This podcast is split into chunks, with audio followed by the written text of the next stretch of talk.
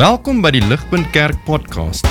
As Ligpunt Gemeente is dit ons begeerte om God te verheerlik deur disippels te wees wat disippels maak en 'n kerk te wees wat kerke plant. Geniet hierdie week se preek.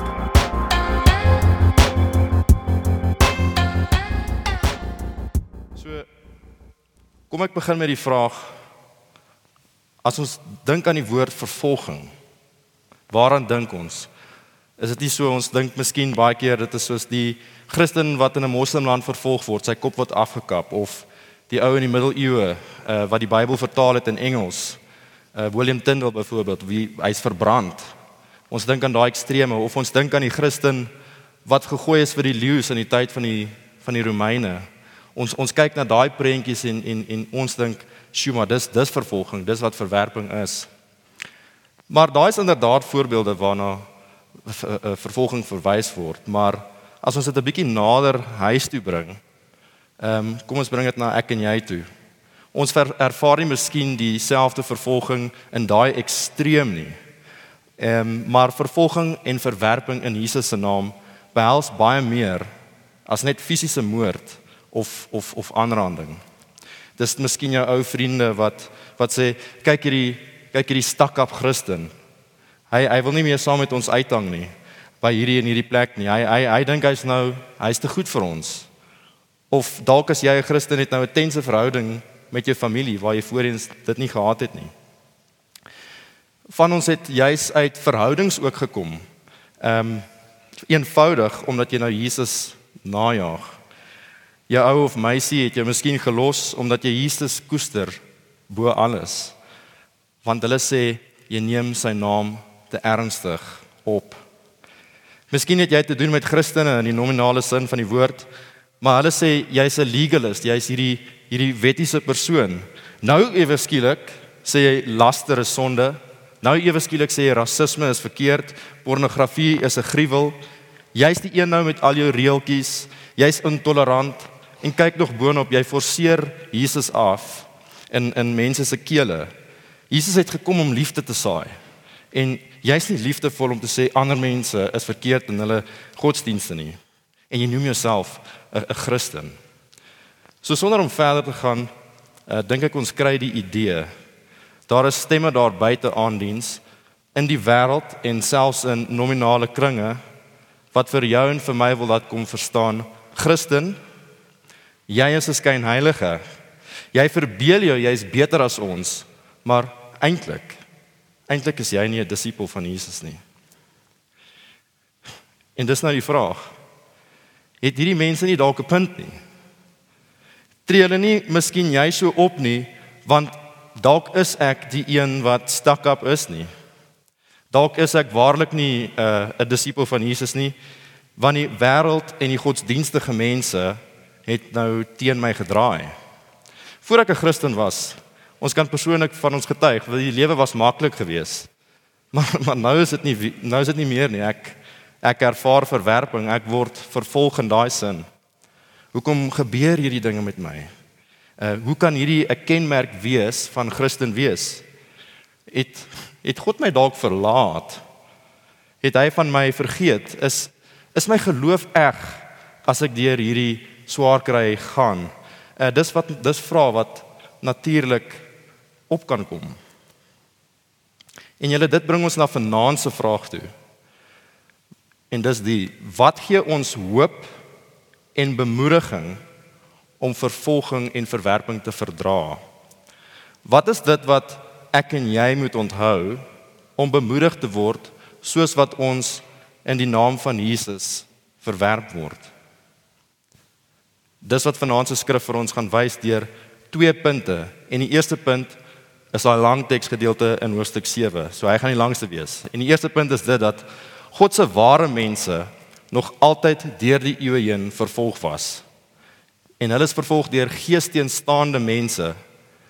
En tweedens, ons tweede punt gaan ons kyk na ons kan bemoedig word soos ons sien dat God se koninkryk sal triomfeer te midde van en te danke aan vervolging. So dis die twee dinge waarna ons gaan kyk. So julle kom ons herinner onsself net eerstens wat gaan hier aan? Waar is ons in die storie? uh wat het tot dusver in Handelinge gebeur. So kom ons onthou net voor Jesus opgevaar het hemel toe, vertel hy sy disippels wanneer die Heilige Gees gaan neerdal, sal hulle krag ontvang om die evangelie boodskap te verkondig. Beginnende in Jerusalem en tot by Samaria en dan aan die uithoeke van die wêreld. So hier kom die Gees, hy daal neer soos 'n vlam in hoofstuk 2. God se mense, Jesus se disippels, hulle is nou die nuwe tempel waar God se Gees woon. Maar hier kom die skeielike karakter, die Satan. Hy haat die tempel. Hy haat God se kerk. Hy haat God se koninkryk. Die oomblik toe die Gees uitgestort is, kom daar demoniese aanvalle deur middel van mense. Sondige mense wat die vuur van God se kerk wil doodtrap. Maar elke keer, ironies genoeg, het dit gelei tot meer groei. In hoofstuk 4 is Petrus hulle gevange geneem. Maar die gevolg was sê die teks, hulle die woord met boldness gepreach. In hoofstuk 5 kom Ananias en Safira en hulle sê die teks is uh, hulle is mislei of verlei deur die Satan en in die krag van Satan en waarin die gees hulle maak hulle dood. En wat was die gevolg? Vers 14 van hoofstuk 5 sê 'n menigte mans en vrouens is bygevoeg tot die kerk. En dis dieselfde wat ons in vanaand se storie gaan sien. So hier is Stefanus nou in hoofstuk 6 soos Riepse ons laasweek gepreek het, 'n man vol van geloof en die Heilige Gees. En hy word valslik beledig deur hierdie godsdienstige mense vir laster teen God en 'n laster teen Moses. Hulle sê we have heard him speak blasphemous words against Moses and God and that this Jesus will destroy the temple and change the customs which Moses delivered to us. Hy word voor dieselfde raad gebring wat Jesus tot die dood veroordeel het en ook voor wie Petrus hulle gestaan het. Ons moet besef julle en en kom ons hoor hierdie mooi dat die beledigingsgerig aan Stefanus impliseer dat Jesus dit impliseer dat die kerk en Stefanus vyande van God is. Dis die aantuigings. En dit bring ons nou na vanaand se teks toe. Stefanus se preek, hierdie lang teksgedeelte waar waar die hoëpriester kom, Caiaphas en hy gee hom 'n kans om homself te verdedig. Are these things so? Vra hy vir Stefanus. Ons gaan sien wat hy gaan sê en wat hy doen. So ons vraag vanaand is, wat gee ons daai hoop en bemoediging soos wat ons vervolging en verwerping ervaar vir Jesus se naam? So ons gaan ons gaan kyk vanaf verse 1 tot 53 en dit is ons eerste punt. En dit is die net om te herhaal God se ware geesvervulde mense was nog altyd en sal nog altyd deur geesteenstaande mense verwerp word. So met ander woorde Christen wees bemoedig want dit wat jy ervaar is hoe dit altyd gegaan het met die gelowige. So kom ons kyk na hierdie geheelbeeld van hoofstuk 7 en waarmee is Stefanus besig. Dis 'n lang teks, maar die punt is hy is hier besig met 'n preek. So ek preek 'n preek oor 'n preek. Hy vertel die storie en wat is die storie? Dis 'n storie bekend, welbekend aan sy gehoor. Dis die storie van Israel se geskiedenis vanaf die roeping van Abraham in vers 2 tot by Salomo en die tempel in vers 50. Soos ek gesê het net voorheen, maar ehm um, tyd gaan ons nie toelaat om deur elke faset, elke tema te kyk nie. Maar hierdie is wat ek wil hê ons moet onsself vra en dit is en dit is die waarom waarom 'n geskiedenis van Israel? Uh wat 'n boodskap wil Stefanus oordra aan sy gehoor? Onthou wie sy gehoor? Dis hierdie Jode en dis ook die raad, die Joodse raad. So daar's 'n klomp mense, maar alles Jode. So wat is die boodskap wat hy wil oordra? Maar gelukkig, gelukkig hoef ons nie te wonder nie. Lees saam met my op die slide, dis vers 51 en die begin van 52. Stefanus sê vir hulle, dis die boodskap. Julle hardnekkig is met onbesnede harte en ore. Julle weerstaan altyd die Heilige Gees. Soos julle vaders gemaak het, so maak julle ook. Wie van die profete is nie deur julle vaders vervolg nie? Onthou julle Stefanus en dis die kerk was aangekla as lasteraars van God en Moses. Die Jode en die raad het in effek gesê die kerk, hierdie beweging, hulle staan en verset hulle self teen God, teen die tempel, teen Moses en teen die wet. Maar Stefanus draai om, dink net aan daai beeld. Hy draai om en hy sê: "Nee, nee, nee. OK. Julle praat nonsens. Kyk maar net, kyk maar net. Deur die eeue heen in ons nasie se geskiedenis, elke gesalfde profeet Elke verlosser wat God gestuur het in wie die Heilige Gees was, is deur godsdienstiges vervolg en verwerp. Kyk vir Jesus, Josef, kyk vir Moses, kyk vir al die profete. Hoe was hulle verwerp? Net soos die vaders gemaak het, nou het julle so ook gemaak met Jesus, die seun van God. Julle weerstaan die Gees. Ek in die kerk staan in die lyn van ware gelowiges van die ware geesvervulde mense. Ons staan vir God. Dis julle wat teen God staan. Dis julle wat laster teen die Gees. Julle staan in die God in die lyn van blasphemers, in die lyn van die die wat Christus doodgemaak het. Dis nie ek wat hier moet staan en verdedig nie. Dis dis dis julle. Julle moet hier staan. Dis nogal skerp woorde. So die geskiedenis van Israel sê Stefanus kortliks is die verwerping van God se gees vervulde mense. Kom ons kyk bietjie na die na die voorbeelde wat Stefanus noem. So ons gaan nou sien die eerste eerste uh um tema of of of voorbeeld van hardnekkigheid en weerstand teen die gees waar dit voorkom en lees saam met my op die slide uh dis verse 9 en 10. Stefanus sê so and the patriarchs becoming envious, sold Joseph into Egypt. But God was with him and delivered him out of all his troubles, and gave him favor and wisdom in the presence of Pharaoh, king of Egypt, and he made him governor over Egypt and all his house. Nou Josef se storie kom vir ons voor in Genesis 37 tot 50. En hy was mos die kind van Jakob en hy was die broer van ander seuns. So hierdie is nou die 12 aardsvaders van Israel. So as jy miskien die storie gelees het, sal jy onthou dat die broers hulle het begin jaloers word op Josef. Hulle kon dit nie vat dat dat Josef of God aan Josef geopenbaar het in 'n droom dat hy verhewe sou wees, exalted bo sy broers nie. So die broers sê in feite ons gee nie om dat God Josef kies nie. Ons praat weer wanneer ons met hom klaar is. Hierdie groot bek, wat gaan dan van hom word? Wat doen hulle toe?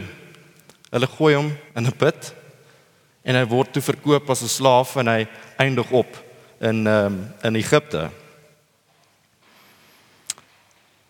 Maar sien ons dit? God se geesvervulde man is verwerp deur sy eie mense aandiens ons moet dit raak sien. Dit is dis dis die hardnekkigheid waarna Stefanus verwys wat al so vroeg uitspeel in Israel se geskiedenis. Maar die teks sê dat God met hom was en hom gered uit al sy beproewinge. Ten spyte daarvan God het hom gered. En hier is ook die ironie. Josef was deur God gekies juis om 'n redder te wees vir sy broers God het hom verhef tot prime minister, eerste minister van Egipte om sodoende voorsiening te maak vir daai 7 jaar lange hongersnood wat die land getref het. Hy was in 'n sekere sin Israel se verlosser, maar in 'n in 'n klein vee. Ehm um, maar sien ons ook die skaduwee nie van van Jesus Christus in Jesus se storie nie.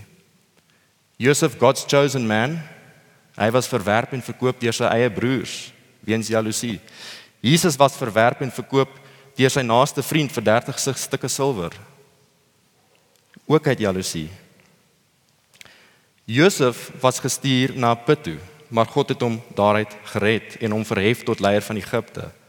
Jesus het gesterf en was in die graf Maar God was met hom en het hom gered uit al sy beproewinge. Hy het weer opgestaan en regeer nou as koning. Josef was verwerp die eerste keer, maar hy was toe aanvaar as redder die tweede keer. Jesus was verwerp die eerste keer. Die tweede keer kom hy weer ten volle om te verlos. Maar kyk nou doen hulle dit weer met Moses hierdie verwerping. Onthou Moses was 'n Israeliet, gebore in Egipte, die hele volk was daar gewees. En hy is toe gered van Farao se deur Farao se dogter en in die paleis groot geword. Maar lees saam met my verse 23 tot 27. Dit ja, so slide. Hy sê hierso Now when he was 40 years old, it came into his heart to visit his brethren, the children of Israel. And seeing one of them suffer wrong, he defended and avenged him who was oppressed and struck down the Egyptian. For he supposed that his brethren would have understood that God would deliver them by his hand, but they did not understand. And the next day he appeared to two of them as they were fighting and tried to reconcile them, saying, Men, you are brethren, why do you wrong one another? But he who did his neighbor wrong pushed him away, saying, Who made you a ruler and a judge over us? Maar lees saam met verse 35 tot 36. Hy sê This Moses, whom they rejected, saying, Who made you a ruler and a judge, is the one God sent to be a ruler and a deliverer by the hand of the angel who appeared to him in the bush. He brought them out after he had shown wonders and signs in the land of Egypt and in the Red Sea and in the wilderness 40 years. Daar sien ons dit weer. En o en die volgende is ook die profete. Dink net 'n bietjie aan mense soos Elia, Jeremia, Johannes die Doper, ware gelowiges nê, nee, hulle was gevul met die gees van God. Maar elkeen van hulle was vervolg en verwerp deur kamstige godsdienstige Israel. Net 'n voorbeeld, dit was eens so erg gewees in in in die, in Israel dat die profeet Elia man alleen gestaan het teen 450 Baal profete, dis 'n afgod. Hy was een man teen 450 en die koningskap van Israel en dis die ergste hulle wou hom dood hê hierdie man van God. En dit staan vir ons in 1 Konings 1:18 dis 'n baie baie goeie lees. Gaan lees dit as jy tydjie het so ons moet dus ook nie verbaas wees dat ons in die minderheid gaan wees as ons vir God staan nie as disippels van Jesus nie maar om terug te kom aan diens sien ons hierdie patroon raak daar is die verwerping van God se geesvervulde dienaars Dieselfde siklus wat rebelse Israel oor en oor en oor herhaal. Hulle tree op teen God en teen sy gees. Josef, God se gesalfde, Moses, die een gekies deur God, die geesvervulde profeet, almal is verwerp, elkeen van hulle was vervolg. Net soos hulle in Jesus se voetspore gestap het op 'n figuurlike wyse, so loop ons ook daai selfde paadjie, is dit nie? 'n Pad gekenmerk deur vervolging en deur verwerping. En dis die punt wat Stefanus maak. Net soos Israel van ouds hierdie mense verwerp het, wat in feite beteken het hulle staan teen en laster vir God, so ook maak die Jode van Stefanus se dag presies dieselfde deur om God se finale en ultimate gesalfde te verwerp en te vermoor in Jesus Christus. En hierdie tendens kom al van die begin af en gebeur nog vandag. Dis wat ons moet raak sien. Wie van die profete is nie deur julle vaders vervolg nie? Ja, julle het diegene doodgemaak wat die koms van die regverdige vooraf aangekondig het. Julle het nou sy verraaiers en moordenaars geword, so sê hy vers 52. Maar Jesus Dis wat die profeet Jesaja sê. Kyk saam met my Jesaja 53 vers 3 hy sê He is despised and rejected by men. A man of sorrows and acquainted with grief, and we hid as it were our faces from him. He was despised, and we did not esteem him. Jesus, liewe vriende, die Vader se finale en hoogste openbaring het nie die wêreld het nie die wêreld se goedkeuring gekry nie. Inteendeel al wat die me, die God mens gekry het van die wêreld was bespotting, laster, die sweep. Hy was opgespoeg en uiteindelik kry hy die kruis. Dis wat die wêreld vir hom gee. Dis die kersie op die koek van Israel se geskiedenis. God se gees vervulde man is vervolg en verwerp deur 'n geesteenstaande volk. En Stefanus, a man full of the Holy Spirit, bring daai parallelle huis toe om te beklemtoon wat hier aangaan. En maar wat ontvang hy? Wat ontvang Stefanus? Kyk vers 59 in julle Bybels. Maar dit sê net eenvoudig en hulle het Stefanus gestenig. Dis wat hy gekry het. En wat het met die kerk gebeur? sien 8 vers 2 ook. At that time a great persecution arose against the church which was at Jerusalem and they were all scattered throughout the regions of Judea and Samaria except the apostles. sien ons dit? Dis wat gebeur met ware gelowiges. God se tempel in wie die Heilige Gees woon. A great persecution. Daar's nie goue medaljes van die wêreld omdat ek en jy 'n Christen is nie. Daar's geen standing ovation dat jy 'n disipel van Jesus is nie. Well done, good and faithful servant. Jy kry dit nie in die wêreld nie. Die kind van God word betaal met bloed in die lewe. Dis wat hy kry. So watter beginsels wil die teks vir ons uitwys? Praktiese beginsels. Wat wil hy ons moet sien? Eerstens moet ons raak sien julle en dit is nogals die groot ene. En dit is 'n waarskuwing. Hierso is ook 'n waarskuwing wat ons vanaand moet hoor. En dis die spiritual privileges do not necessarily mean spiritual realities. So ek sal dit in Afrikaans ook sê, dit's geestelike voorregte is nie die altyd dieselfde as geestelike realiteite nie. En soos ek dit verduidelik, gaan dit baie duideliker word. So kyk julle Israel regdeur hulle in hulle geskiedenis was in 'n baie bevoordeelde posisie. Ons ons sien nou hierdie kort beskrywing van Israel se geskiedenis. Maar alhoewel hulle die woord van God gehaat het en forme van godsdiens gehad het, hulle het God se krag en dade gesien. Dink 'n bietjie aan Moses, jy weet in daai tyd, hulle die 10 plaae gesien, God se hand van redding daar die deur die deur die deur die rooi see, die manna vanuit die hemel. Hulle het groot wonders gesien. Maar hulle harte was ver van God af. But in their hearts they turned back to Egypt. Dis vers 39. In their hearts they turned back to Egypt. En vers 51 sê Stefanus, sy gehoor was onbesnede van hart en hardnekkig. Dis Ou Testament taal vir teenstanders teen God. Hulle is hulle is eintlik afgodsdienaars. Sulke hardkoppigheid kan moontlik lei na God wat jou oorgee aan daai afgoderry. Dit sê in vers 42, then God turned and gave them up to worship the host of heaven. Ons sien dis dis die verskil wat ons moet raak sien tussen tussen die die ware Christen soos Stefanus en valse godsdienstiges soos sy Joodse gehoor. Jy sien die valse gelowige is die mens wat sê hy lewe vir Jesus. Hy's fisies in die kring van die kerk, net soos Israel was as 'n nasie, maar hy's iemand wie se leefstyl, sy vrugte dit nie wys nie dat hy 'n ware disipel van Jesus is nie.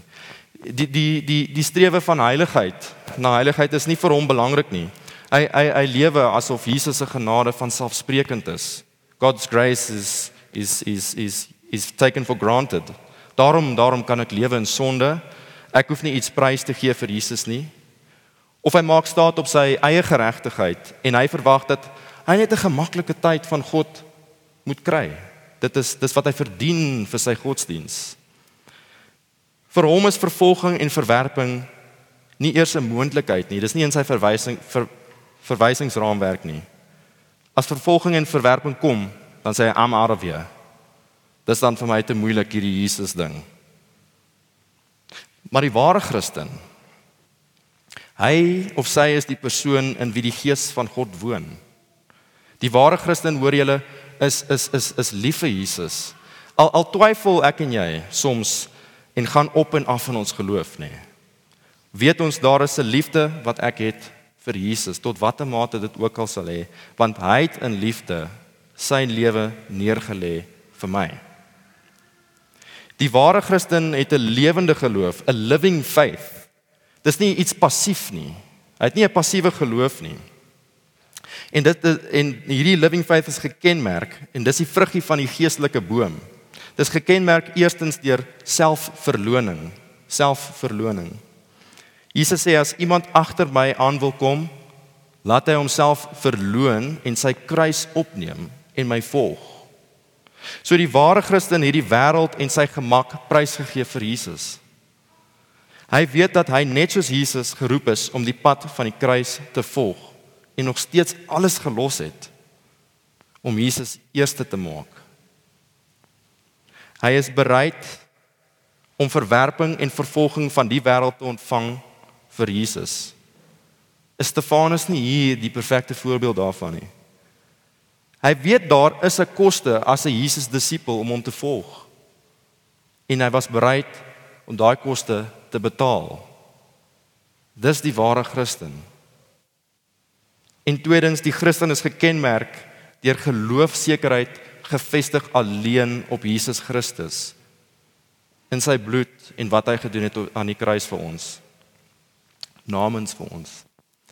En so dis wat dis wat hierdie vir ons wys, ons moet dan dis net waaksaam wees. Ons ons kan nie op onsself vertrou of of ons vertrou in ons eie performance sit nie.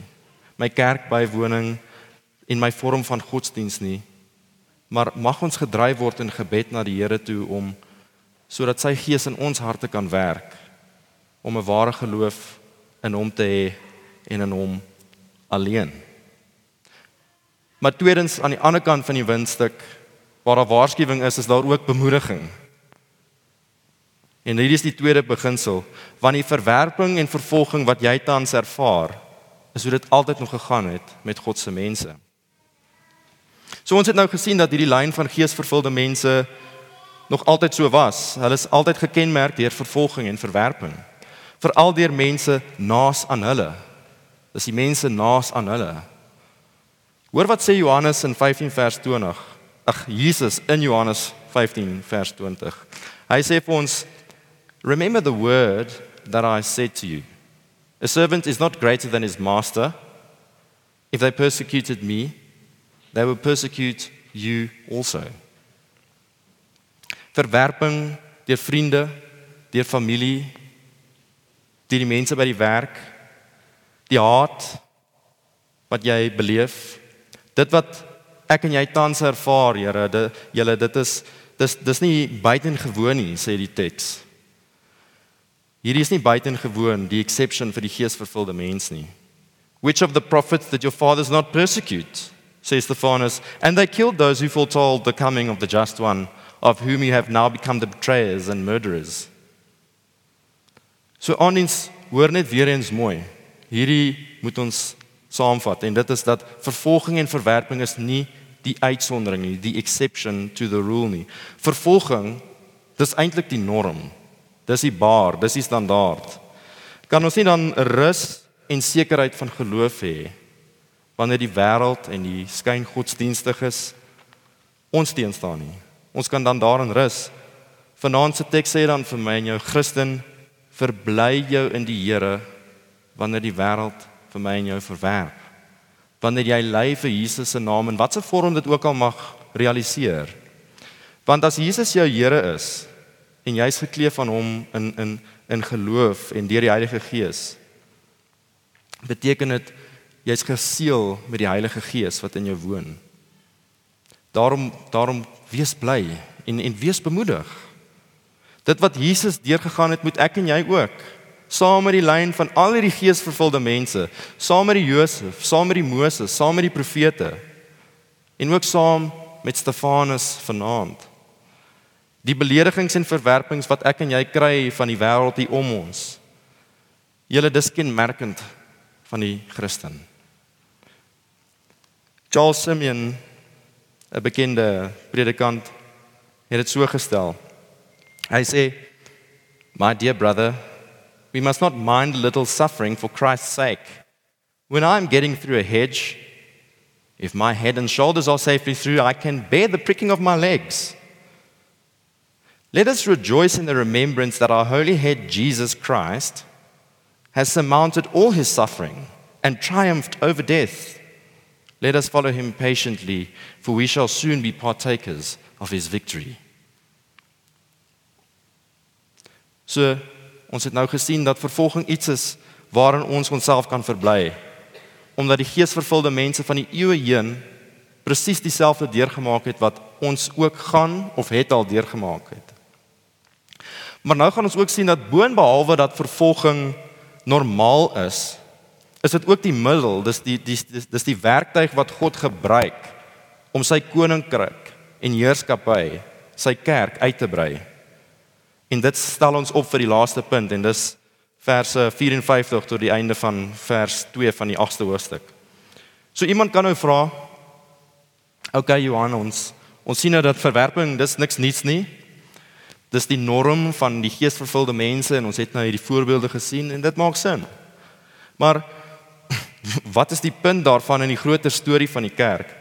Want As ek net prakties daarna kyk, vervolging dit dit dit lyk na iets soos 'n rem wat die wat die uitbreiding van die kerk keer, want hier gaan gelowiges nou dood, hier gaan Stefanus dood. Is is vervolging nie soos daai rem nie. Dit keer dit net. En die ander vraag is ook hoe kan ek te midde van daai verwerping volhard in my getuienis en in my geloof? So dis vra aandiens wat hierdie laaste gedeelte vir ons gaan antwoord. En dis ons tweede punt. En dis dit dat God se koninkryk sal te midde van en te danke aan vervolging triomfeer. So te danke aan vervolging gaan die kerk triomfeer. So kom ons antwoord die eerste vraag is is ehm um, vervolging nie miskien die rem wat die evangelie wiel verhinder om te draai nie. Die kort antwoord is nee. So na Stefanus se dood lees ons in vers 1 dat die kerk verstrooi is deur 'n ewige vervolging in die 8ste hoofstuk. Maar kyk net so 'n bietjie aan. Hierdie is vers 4 van hoofstuk 8. Daar staan die wat verstrooi is. Those who are scattered. Hulle het rondgetrek en die evangelie woord verkondig. Ironies genoeg was dit juis die vervolging wat gemaak het dat die evangelie uitgesprei het. As dit nie 'n vervulling van uh, Handeling 1 vers 8 is nie dan dan weet ek nie wat is nie. Onthou hulle wat sê Handeling 1 vers 8. Dit sê Jesus sê aan sy disippels, nê, nee, you shall be witnesses to me in Jerusalem and in all Judea and Samaria and to the end of the earth. Dit laat mens dink aan daai bekende stelling dat the blood of the martyrs is the seed of the church wat die kerk laat groei en uitsprei. Dis wat vervolging doen. So dis wat eintlik hier aangaan. So hier kom die Satan, nê. Nee. En hy wil die vlam van God se kerk uitblus, uitdoof. Maar waar hy dink hy gooi water op die vuur, waar hy dink persecution verhinder die kerk. Hier kom God in sy soewereiniteit. En hy verander daai water in petrol. Die vlam brand los. Dit dit en dit brand helder. Dit skyn. So vervolging op 'n eienaardige manier, julle dis dis 'n katalisator vir vir die uitbreiding van God se koninkryk. En dis die ironie. Dit maak nie vir ons aardse mense sin nie, maar dis hoe God werk. Kyk net byvoorbeeld ons Here se kruisdood nê. Nee.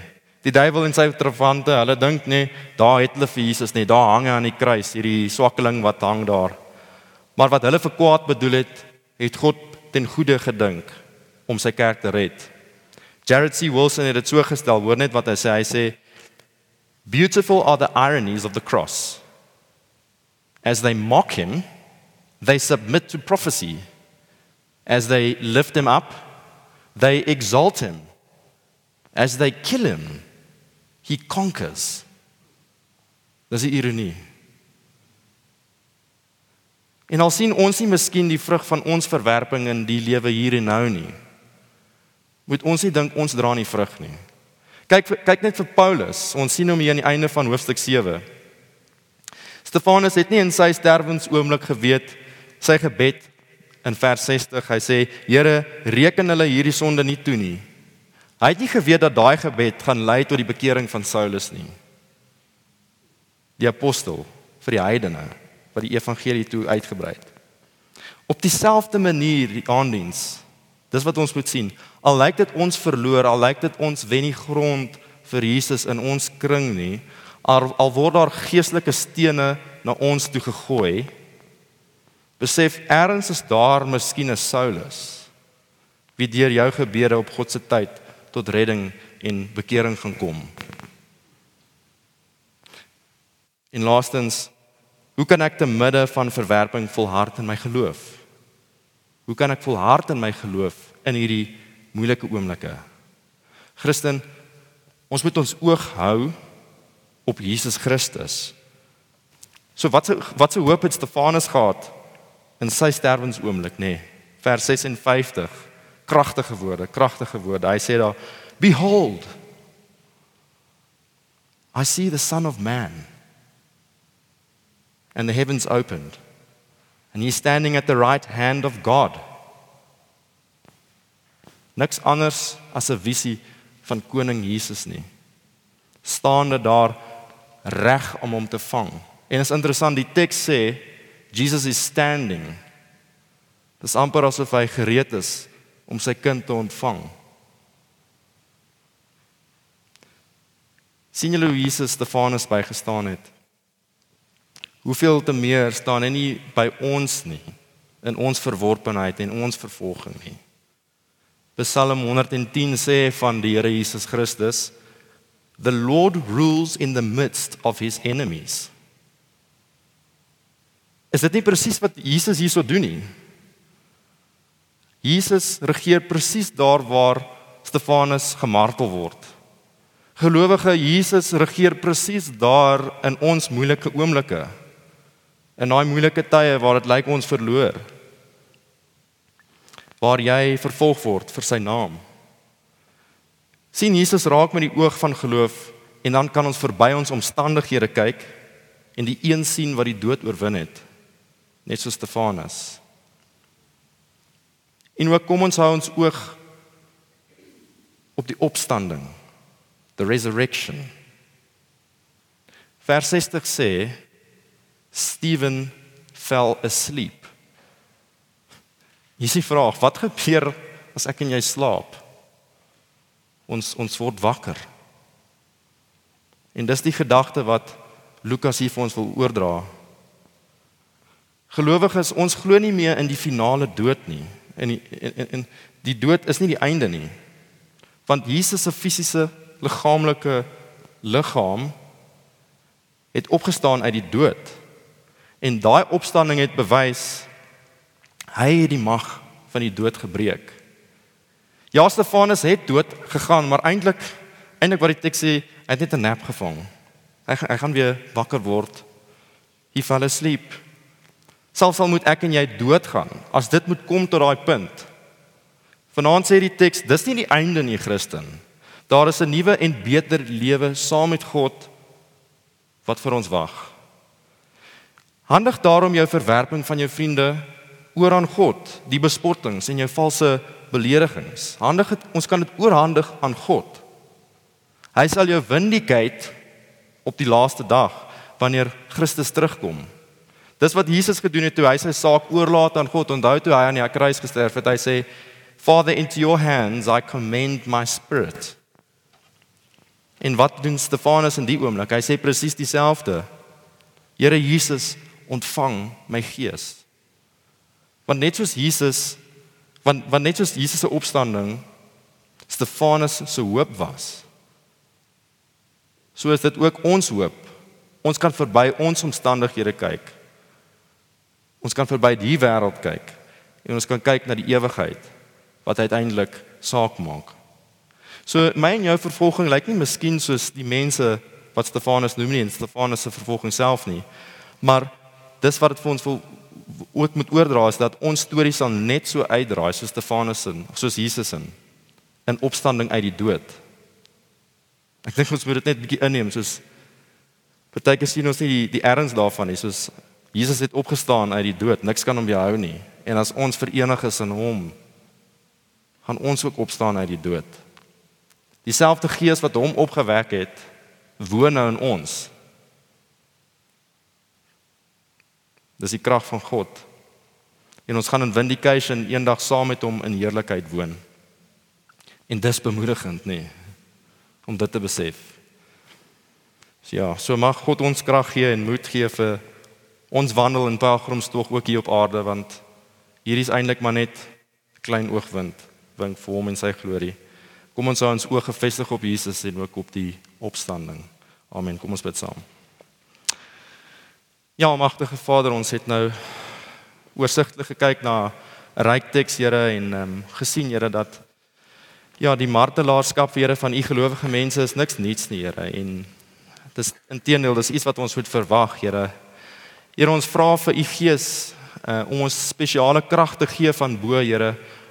As dit ooit ooit moet kom tot daai punt, Here, waar ons ons lewens moet oorgee aan Jesus.